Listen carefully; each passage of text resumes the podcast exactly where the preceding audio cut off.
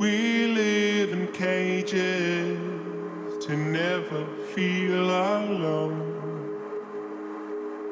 Nothing's affecting my tender heart of stone.